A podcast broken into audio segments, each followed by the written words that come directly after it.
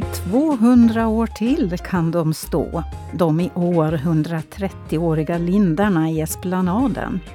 Om de sköts och skyddas, det vill säga. Och nu har också själva esplanaden fått skydd i en färsk stadsplaneändring. Mariehamns 130-åriga esplanad handlar det om i veckans kulturmagasin, bland annat. Välkomna, säger jag som heter Tua Åström. Men vi börjar som vanligt med att bläddra bland den gångna veckans kulturhändelser som har varit både roliga och många.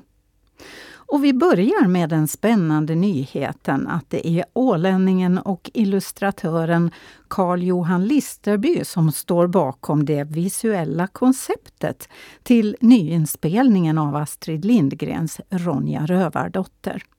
Och det innebär att han har gjort skisser för hur de olika figurerna ska se ut och hurdan miljön ska vara. Nej, men så här, man sätter sin visuella prägel, eller det är det som jag har gjort i projekt, projektet hur ser eh, skogen ut? Hur ser en grådvärg ut? Hur ser en vildvittra ut? Vad är det för färger? Vad är det för texturer? Vad är det för känsla i allting? När man pratar om en skog, är det liksom omkullfallna träd eller är det hö högt och glest? Eller är det en, hur, vad är en urskog? Är det en trollskog? Jag måste visa hur Ronja ser ut, jag måste visa hur grådvärgen ser ut, jag måste visa hur vildvittror ser ut, jag måste visa hur rumpnissarna ser ut. Eh, och när man har hela den här listan med helveteskapet och allt vad som nu var på den listan, då är det ju helt enkelt att sätta sig ner med papper och penna och börja, börja skissa. Så om jag förstår dig korrekt här så är det alltså, ja. eller det är det som du har arbetat med under ett år, att sätta ner din fantasi på papper? Ja, ja men absolut. Eh, så är det ju. Det är ju då min tolkning av, de, av det som redan finns. Alltså det finns ju vildvittror, det finns ju fina förlagor till det. Men det som jag har kommit in och gjort är att jag har då fått uppdraget att skriva hur, hur översätter vi det här till en vildvittra i den nya versionen? Att hitta en balans då mellan, det, det, eller rätt nivå av det skrämmande. Eh, så de bilderna till exempel på vildvittror, när jag har suttit och tittat med det så har man tittat på väldigt mycket så här, hur ser blandningen ut mellan en, en människa och en fågel? Och jag tittade mycket till exempel på gamar, hur ser, du vet som har en sån här kal hals som, som är nästan som en ganska väldigt äcklig mänsklig hud. Och sen liksom gränsen, hur ser gränsen ut där fjädrarna möter den här huden? Liksom. Den här nakna fågelhuden. Eh, hur man får in det också i den här karaktären. Hur ser ögonen ut? Har de pupiller eller är det bara stora svarta fält? Har de en stor eller en liten näbb? Och vad är det för färgskalor? Skimrar de som en skata i, i i, i, massor av liksom nyanser eller är de mera grådassiga som en, som en kråka? Vad, vad, är det liksom, vad, är det för, vad är det för karaktär man vill lyfta fram i det där? Och det där är bara ett exempel, det där är då bara med vildvittrorna. Sen har jag gjort samma sak med, med grådvärgarna, med rumpnissarna, med, ja, men också med, med Ronja själv. Hur, hur, vad har hon för kläder på sig? Hur, hur, hur ser hennes hår ut?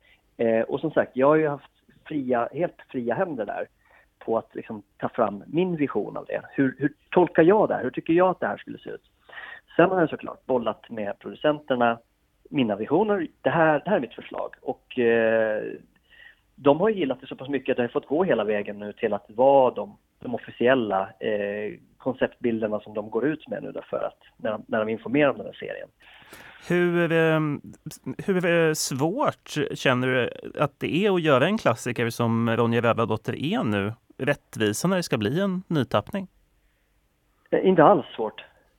Eh, jag trodde att det skulle kännas mycket jag trodde att det skulle kännas mycket läskigare och det, det är ju den, den delen av jobbet som jag blev inbjuden till har jag inte haft någon typ av eh, ingen ångest alls över att det här är ett, liksom ett klassiskt, det här är en klassisk bildvärld som jag ska kliva in i och och stöka omkring i. Tvärtom, det har bara varit en, en jättestor motivator. Det har känts otroligt roligt. Är ditt arbete över nu med Ronja Rövardotter? Eh, jag hoppas ju inte det. Det beror lite på hur, vad man kommer fram till, hur man vill liksom lägga upp, eh, hur man vill lägga upp hela projektet nu. Alltså hur mycket man vill gå efter eh, mina bilder som jag tagit fram. och hur långt man tycker att de räcker. Eh, om man vill ha liksom uppdateringar på det eller om man vill att det ska tas fram mera karaktärer. Som sagt, jag har tagit fram ett väldigt brett bibliotek på, på alla de stora karaktärerna redan. Så det finns, det finns väldigt mycket underlag av det som jag redan har gjort. Eh, men det jag hoppas på som en fortsättning i det här projektet är ju sen när det kommer till specialeffekterna och de delarna. Att man där kan vara med. Eh, och fortfarande att man vill ha, gå på det spåret som jag har tagit fram. Eh, och att det då behövs ännu flera bilder. Det sa Carl-Johan Listerby som intervjuades av Johan Ågren. Och tv-serien som ska sändas om ett par år är i tolv delar. Det blir Ulrika Kjeldsen som får skapa konst till nya bostadsområdet Södra Lillängen i Mariehamn. 133 intresseanmälningar kom in från konstnärer från Åland, Finland och Sverige. Kjellsen är skulptör, medaljformgivare och scenkonstnär och den som stod bakom verket Min mormors ko som man kunde se i Stadshusbacken i somras. Det, det kommer att vara fem stycken jätter, två stycken vuxna jätter och tre stycken killingar, så som en familjeenhet. Så de är liksom som en familj på utflykt här? Ja, jag tror att de är nog ganska väl inbebodda i området nu vid det här laget. Att det har ju varit som en betesmark tidigare så därav kommer, kommer getterna som en lite mera, äh, ja men som ett lands, landsbygdsdjur. Medan sen ekorrarna, jag tänker mig mera, de kommer att vara lite mera utspridda i, i det här bostadsområdet som en, som en mera vildare naturen som också flyttar in. Så en blandning mellan den naturliga naturen och den lite mera mänskliga eller mänskligt Domesticerade, eh, domesticerade som det heter på fint språk. Ja. Precis, mm. precis, precis. Men hör du, uh, hur kändes det att få det här uppdraget? Det var ju alltså väldigt många, det var ju över hundra totalt som hade lämnat in uh, och uh, så gallrades det ut då och så föll valet på dig sen till sist. Ja, men det känns ju helt, helt hur, hur stort som helst att, att det är mitt, mitt första eh, mitt första som så här uppdrag av den här storleken och, och, och graden så det känns väldigt stort och väldigt mm. fint. De här figurerna, eller eh, statyerna, mm. vad man ska kalla det för. De kommer att, att uh, göras enligt samma princip som den här kon, som mormors ko som, som stod här i, i nedanför stadshuset nu under hela den långa sommaren och som väckte väldigt mycket tankar och förtjusning? Jag kommer att jobba i, i lite, lite, lite tunnare material än, än, än, än kon. Att kon så använder jag till exempel en sån här fyrkantsprofil för just för att kor har ändå någonting eh, både mjukt men också kantigt, kantigt över sig. Men det kommer jag inte att, det tror jag i alla fall inte att jag kommer att använda med jättarna utan där så kommer jag att enbart använda eh, rundjärn av olika, olika tjocklekar. Men nu, nu är det ju med att det ska börja i höst och sen ska det vara färdigt eh, till våren 23, det är ett och ett halvt år. Det, det, det tar en stund att, att jobba och jag har hunnit bli, blev lite uppbokad nu på hösten så men det är nu inga problem att ha dem klara till våren 2023 så det blir bra. Det sa Ulrika Kjellsen som intervjuades av Anki Karlsson. Bel Canto spelar i helgen Tiggarens opera på Kastelholms slott. Den sattes upp första gången i London 1728 och har förblivit populär sedan dess. Jenny Karlstedt är regissör och en av projektledarna.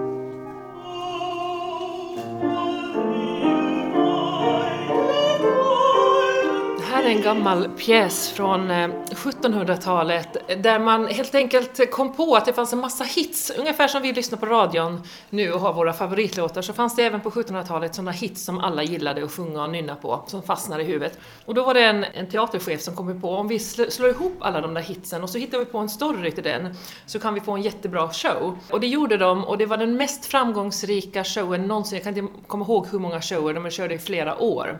Och eh, det kom in så mycket pengar så det var faktiskt eh, pengarna som sen gick till att bygga den första stora teatern på Covent Garden i London. Så att eh, så började det.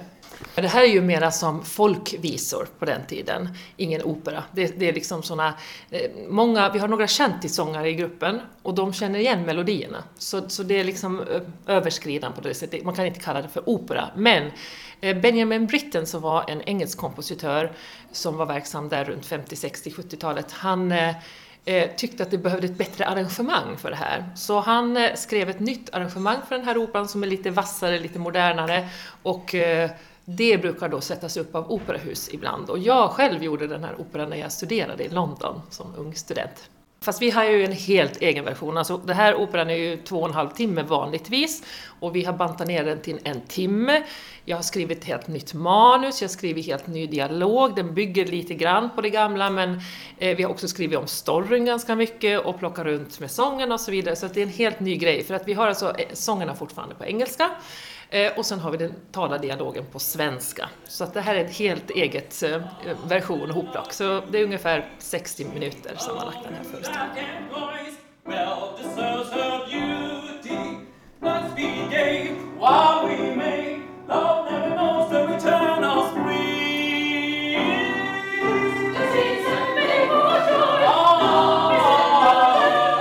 Jenny Karlstedt berättade om Tiggaroperan som alltså spelas på Kastelholms slott denna helg och nästa. Batik som konstform är någonting som föglebördiga Kerstin Wahlbeck har fastnat för och ständigt återkommer till i sitt skapande. Nu ställer hon ut blommande sammet bland annat på Galleri Skarpans i Saltvik. Jag tycker inte alls att det är lätt. den går den vägen den vill så det gäller att komma till en punkt där man är överens. Mm. Så att säga, det är en kamp. man kan stanna i tid då? ja, kan man säga, eller låta tiden gå tills man man håller på tills man blir nöjd eller börjar om. Eller om det misslyckas får man börja om. Mm. Mm. Det är ju ett evigt sökande egentligen hur man gör. Att det finns så många olika vägar egentligen att gå. Mm. Din utställning här på galleriet den heter Siden sammet... Ja. Kan man väl lite grann säga. Ska vi gissa då att det är både siden och sammet som finns här? Ja. Finns det ytterligare? Det finns siden och sammet och det finns också bomull och linne. Det är olika sorters material och tyger. Så att eh, det där till exempel är sammet. Men det där, det där är ju små, små blommor. Hur har du lyckats få det där i en batik? Eh, jag har vaxat på sammetstyget och sedan färgat och vaxat igen. Ja, sen eh, har jag rullat det. Och eh, för därför så blir det sådana prickar där uppe i grönt. Ja. För det är, när vaxet satt i det gula så blir det liksom ett mönster utav vaxet. Så det är en ständig utveckling? Ja, det tycker jag. Om man vill så kan man hålla på hur länge som helst. Mm. Jag ska fortsätta ett tag till för att jag har lite ogjort än. Ja, jag har fler projekt kvar. Ja. Så det kanske blir fler utställningar också då? Det kanske det blir. Mm. Ja, hoppas. Det sa Kerstin Wahlbeck som intervjuades av Josefina Jansson. I veckan har det också varit vernissage för den nordiska utställningen Förändringar vid Nordens kuster som är ett samarbete mellan elva konstnärer och forskare från sex nordiska områden. Konstnären Kaiso Koivisto är en av initiativtagarna. Hej, äh, jag är Kaiso Koivisto från Helsingfors. Äh, tillsammans med äh, Lisa Kanerva hon är en finsk konstnär som uh, bor uh, i Oslo. Uh, vi började tänka på att det skulle vara kul att skapa ett projekt som, som koncentrerar sig på förändringar och omgivningen, vad som händer runt omkring oss. Och då började vi liksom tänka på konceptet och vi valde havet mm. och stränder eftersom vi älskar dem. Och um, personligen, jag, jag bor i Helsingfors vid havet och det är ju någonting som jag liksom tittar på hela tiden. Och så småningom uh, kontaktade vi um, konstnärer och forskare och uh, bildade den här gruppen som heter Changes on Northern Shores. Alltså vi är både uh, bildkonstnärer och forskare och har arbetat tillsammans för att, att göra de här verk som syns här på Nipo galleri. Hur många är ni? Vi är elva tillsammans från sex nordiska områden. Vill du visa dina? Ja.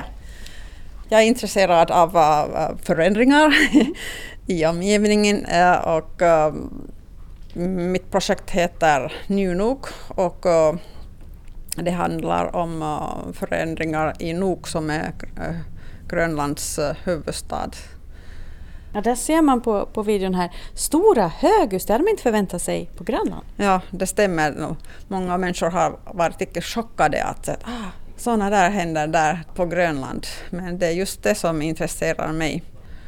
Och det är liksom många olika saker som, bid, som har bidragit till alla de här förändringarna. Liksom kolonialism och eh, politiska och ekonomiska mm, saker och mycket som händer på Grönland just nu. Det sa Kaiso Koivisto som intervjuades av Josefina Jansson. Åländska myter och legender är titeln på Kjell Andersens utställning av akrylmålningar som kan ses på Galleri Art Frida i Helsingfors från och med den 25 september. Det finns så många fantastiska berättelser. En del som är mera som sagor och en del som ju är historia. Till exempel berättelsen om, om Stefan Löving under Stora ofreden och hans äventyr i Götabergen. Så han blev skickad att ta reda på att hur, hur stark är den ryska flottan som höll till vid, vid Sagge och det här var vinter och isen låg. Så man visste att, att något anfall mot Stockholm lär inte komma riktigt på direkten. Men eh, kung Karl XII, han var ju långt på annat håll nere i, i Bender men då skickades kunskaparen Stefan Löfving och spionera. Och han tog sig levande från sina äventyr med ryssarna, han blev fasttagen emellan. Och så gömde han sig i Götabergen i en grotta som han hade av lokalfolk fått höra att den fanns och där fanns till och med lite mat. Och man vet vilken grotta som han gömde sig i och och jag har då målat passagen ut från den här grottan som går som en klyfta ut och så smyger sig den här karln där. Så, så jag liksom tar fasta på ställen i terrängen som finns och, och berättelser som finns. Och, och sen är det en del fantasi också. Och hur stort är det för dig att, att få hålla i den här utställningen nu på Galleria Art Frida i Helsingfors? Nu är det jätteroligt, nu är det spännande. Det, det, är min debut i Helsingfors. Det är ju lite som för en, en idrottare att, att komma sig upp, få, få göra debut i större sammanhang. Nu är det jätteroligt. Det sa konstnären Kjell Andersén som intervjuades av Josefina Jansson. Två nysläppta självbiografiska böcker har vi pratat om den här veckan i våra program. Dels Gerd-Karin Nordlunds sista del i trilogin om Majken Berg, men också Herdis Brännströms nya bok Vuxenlivets magi och mission, som tar vid där den förra, Barnaliv och vuxenkliv, slutade. Vi börjar med Gerd-Karin Nordlund som får berätta om hur sista boken i trilogin kom till. Jo, jag hade undervisat ensamkommande flyktingbarn till Sverige 2015. Jättemånga som kom och som var undrande över framtiden och så vidare, behövde hjälp med språket. De som jag träffade det var en grupp som kom från Afghanistan bara pojkar, nästan. En flicka. Flickan som var med, sin bror, hon var den smartaste i gruppen. Kunde gå i vanlig skola bara efter två, tre månader. Så hon gjorde rekord. Och det inspirerade dig till Majken? Ja, Det är så här att jag har tuggat på min egen historia ganska länge. Och vad ska jag utelämna och vad ska jag utesluta? Och till det krävs det också ett visst mod. Samtidigt att man lär sig en viss urskiljningsförmåga. Inte skriver i hämnd och vrede. Det är inte hälsosamt. Mm. Så jag måste också invänta mig själv. Men sen när jag hade in, undervisat den här gruppen av flyktingungdomar från Afghanistan så kom jag på att nej, nu ska jag skriva något för mina barnbarn. Och eh, då blev det Det magiska huset en berättelse.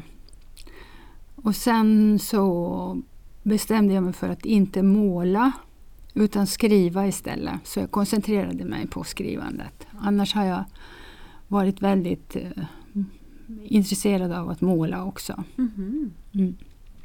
Så den första boken i trilogin den handlar ju om Mark Markens barndom. Är det liksom delar av din barndom man kan läsa där också? Ja, det är det. Där jag berättar i Upp på jorden så gick jag gymnasiet tillsammans med 16-åringarna. Jag började när jag var 23 för det fanns inget komvux. Du har ju faktiskt med dig boken som kom ut bara här i dagarna, den här sista delen i trilogin. Det tar ett helt liv att bli människa. Hur känns det att, att sitta och hålla den, att det är färdigt? Trilogin är färdig, ditt, ditt liv är skrivet. Jo tack, det känns bra. Och eh, jag har fått en del läsarresponser i förväg så att säga. Och glada tillrop.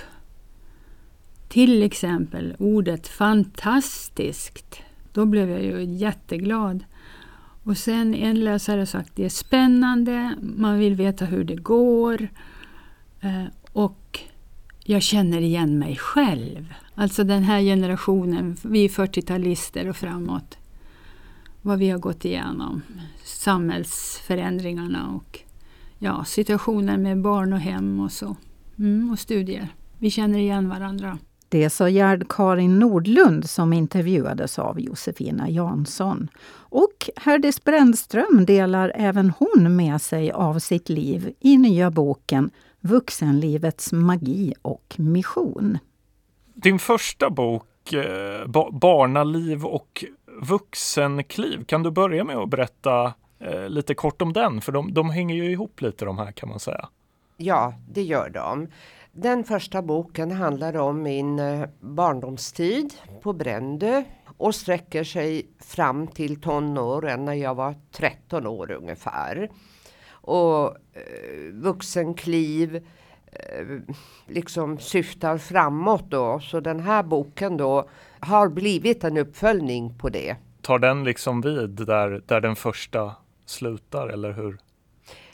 Ja, det gör den, men inte i en kronologisk ordning.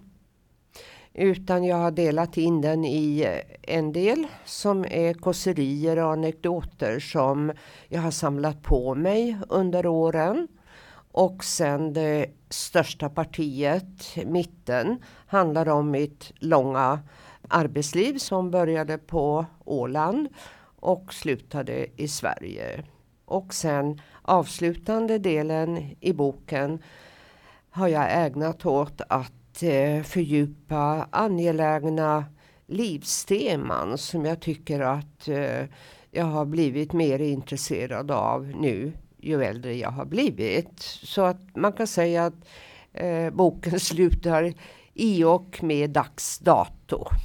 Okej, okay, men det, är ändå ett lite annorlunda upplägg får man säga på en bok. Varför har du valt att, att, göra så?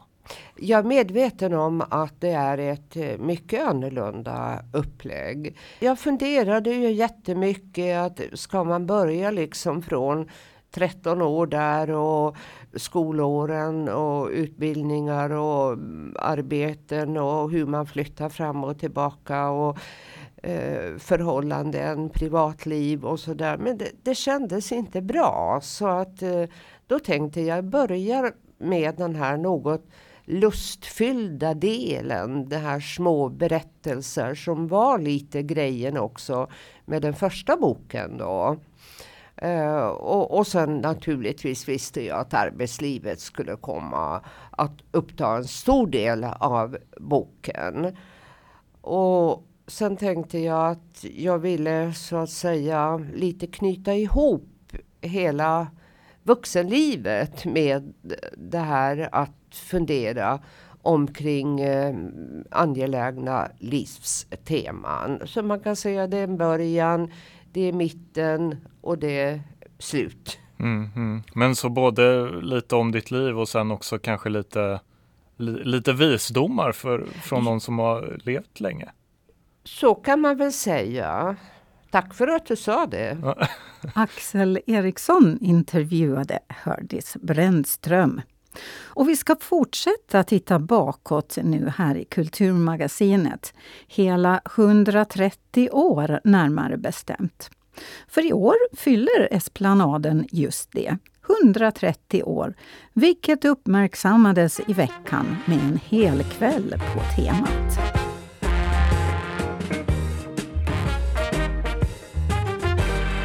Det är onsdag kväll och utanför Sjöfartsmuseets auditorium är septemberkvällen klar, ljum och vindstilla. Men trots det är det ändå en hel del folk som har bänkat sig för att höra tillresta föreläsare berätta om esplanader, boulevarder, avenyer och allt vad de olika trädområdena i en stad kan tänkas kallas. Det handlar om stadsplanering förr och nu i Norden och i Syd och Mellaneuropa. Och det handlar om vår egen, i år 130-åriga esplanad. Stans gröna lunga. En kolsänka. En plats för biologisk mångfald. Ett rekreationsområde och inte minst ett kulturminnesmärke. Nann Sommarström har grundligt satt sig in i esplanadens tillkomst. Jag har intresserat mig för den sedan 2013 när jag sökte information om Mariehamns trädgårdar inför stadsvandringen och också tittade på parker. Och Esplanaden är ju en stor park. Och vartefter sen så följde ut mer och mer information ur arkiven, när jag letade efter andra saker också. Mm. Tills jag då valde att ha den som ett mer fokusområde inför i år. Där jag gjorde en utställning som finns på Mariehamnsmuseet och i augusti höll jag stadsvandringar om den. Vad har varit den största aha-upplevelsen för dig? Vad har du blivit mest förvånad över? Man har pratat väldigt mycket förut om att man hade esplanaden för brandskydd. Men för mig blev det väldigt uppenbart när jag studerade Kevits gamla stadsplan att han hade med i beräkningarna att Mariehamn skulle bli en eh, badort. Eh, och just att Esplanaden som ett parkelement ingick i en attraktiv badort. Och det har vi ju fått höra ikväll, just att Esplanaden också har i världen estetiska värden. Det är inte bara för brandskydd. Det, det faktiskt fick mig att studsa lite också. Wow, Mariehamn planerades för turism ända från början. Så sant, så sant. Ja. Men turisterna var ju, de planerade ju. Ja. De planerade, de promenerade och man kallar ju då promenad, man skulle göra en promenadplan, står det i rådhusprotokollerna.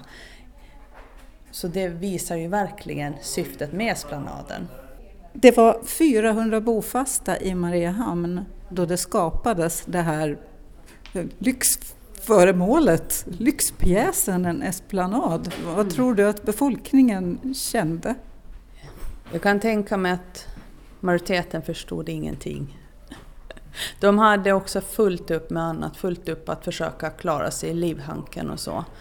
Det fanns eh, också på den tiden, det kan vara viktigt att tänka på ibland, man hade kolera-pandemi i slutet av perioden när esplanaden planterades och eh, man hade även eh, tyfus tror jag kom där och det fanns många andra saker som var mycket mer oroande i folks dagliga liv. Så det här var liksom bara några galenskaper? Det var herrarna i rådhuset. Ja. Så vad kvinnorna tänker och tyckte kan vi ju inte veta någonting om. Men det fanns ju flera som hade eh, åsikter om det här med esplanaden.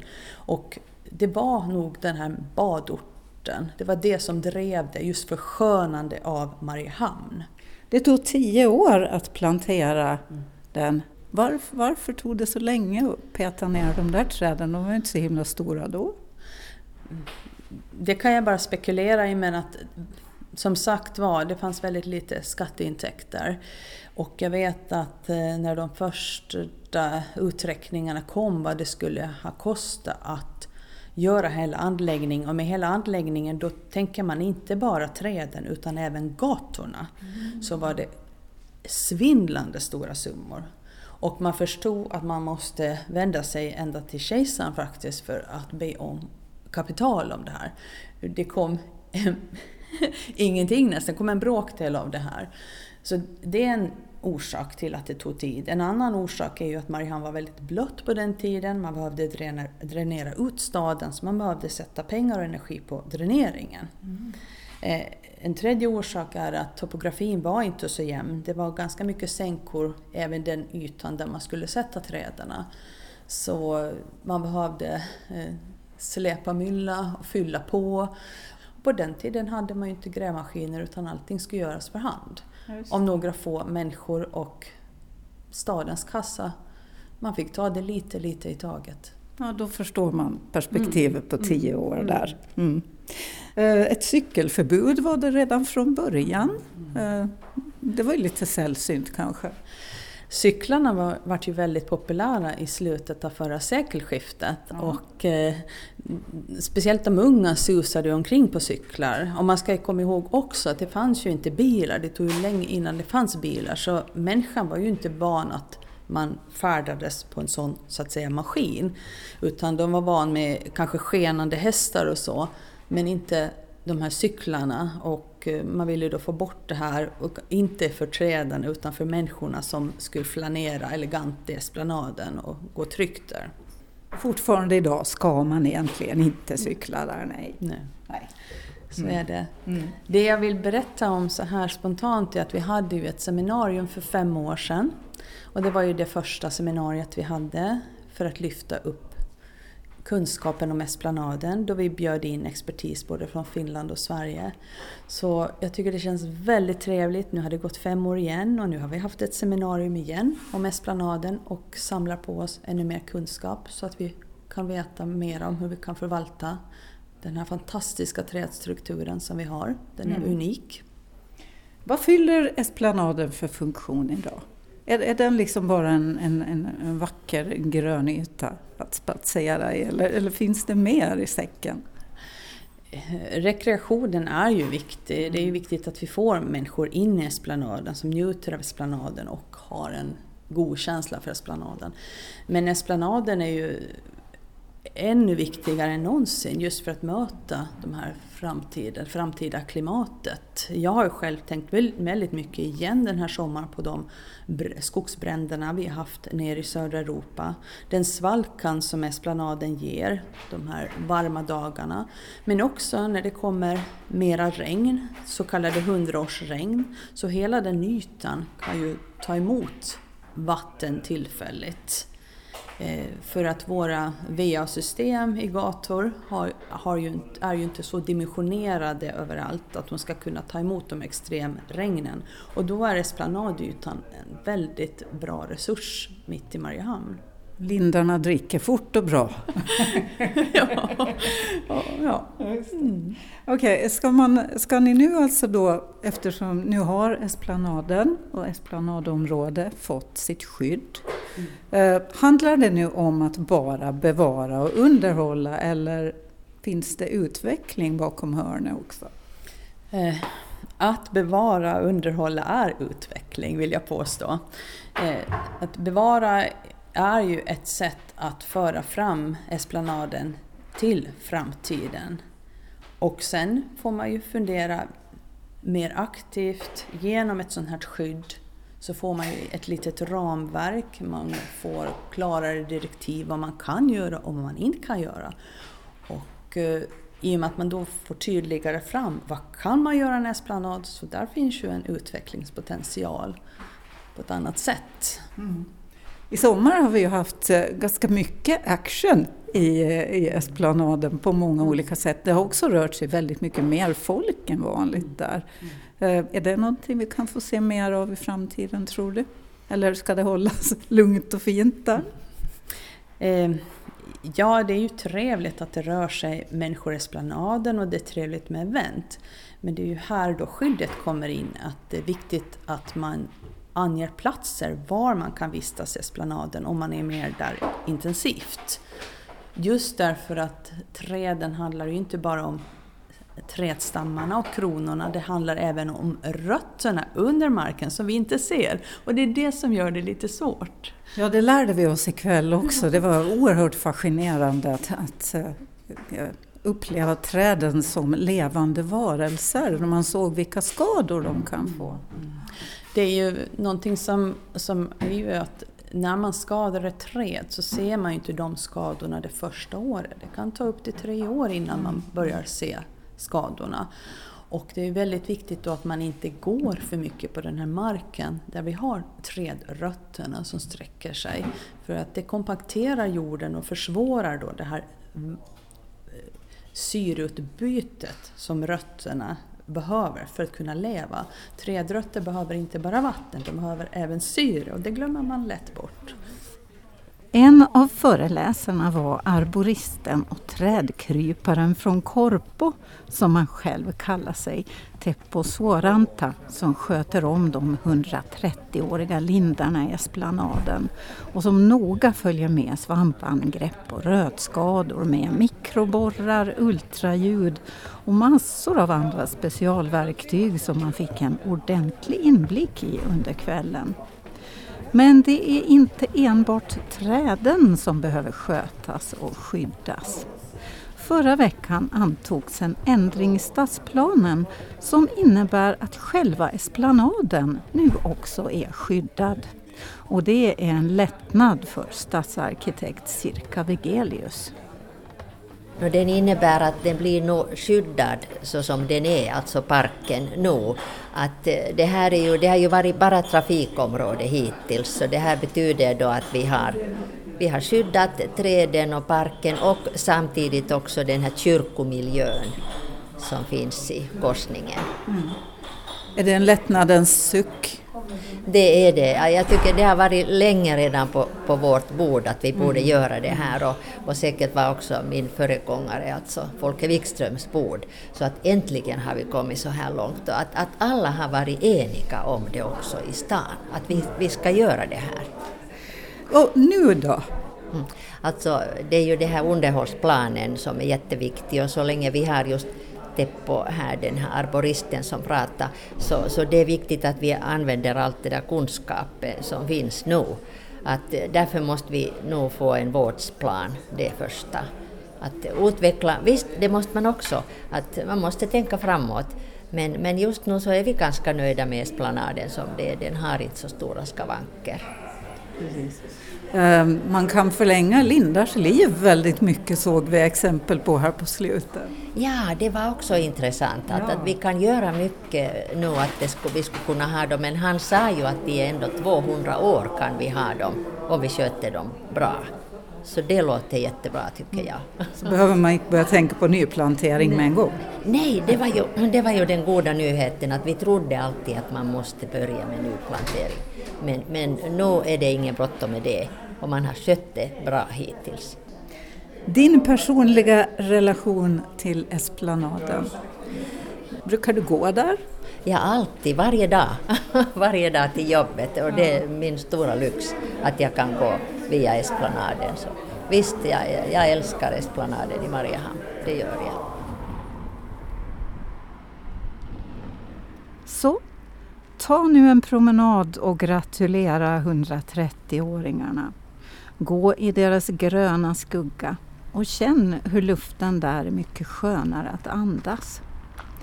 Och fundera på hur de några hundra invånarna i Mariehamn, varav många troligen tyckte att det var ett skvattgalet rikemanspåfund att plantera dyra träd, då folk kämpade för sin överlevnad. Tänk på hur de skulle ha upplevt de väldiga träden idag och stan i övrigt. Det kan vi bara fantisera om.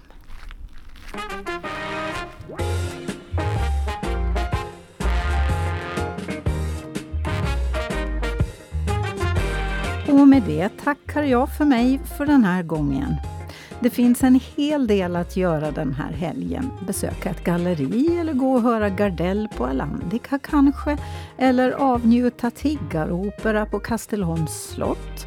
Fast eh, risken är nog överhängande att det inte finns några spontanbiljetter kvar. Fast det är ju å andra sidan lätt att kolla. Ha en givande helg vad ni än väljer att hitta på.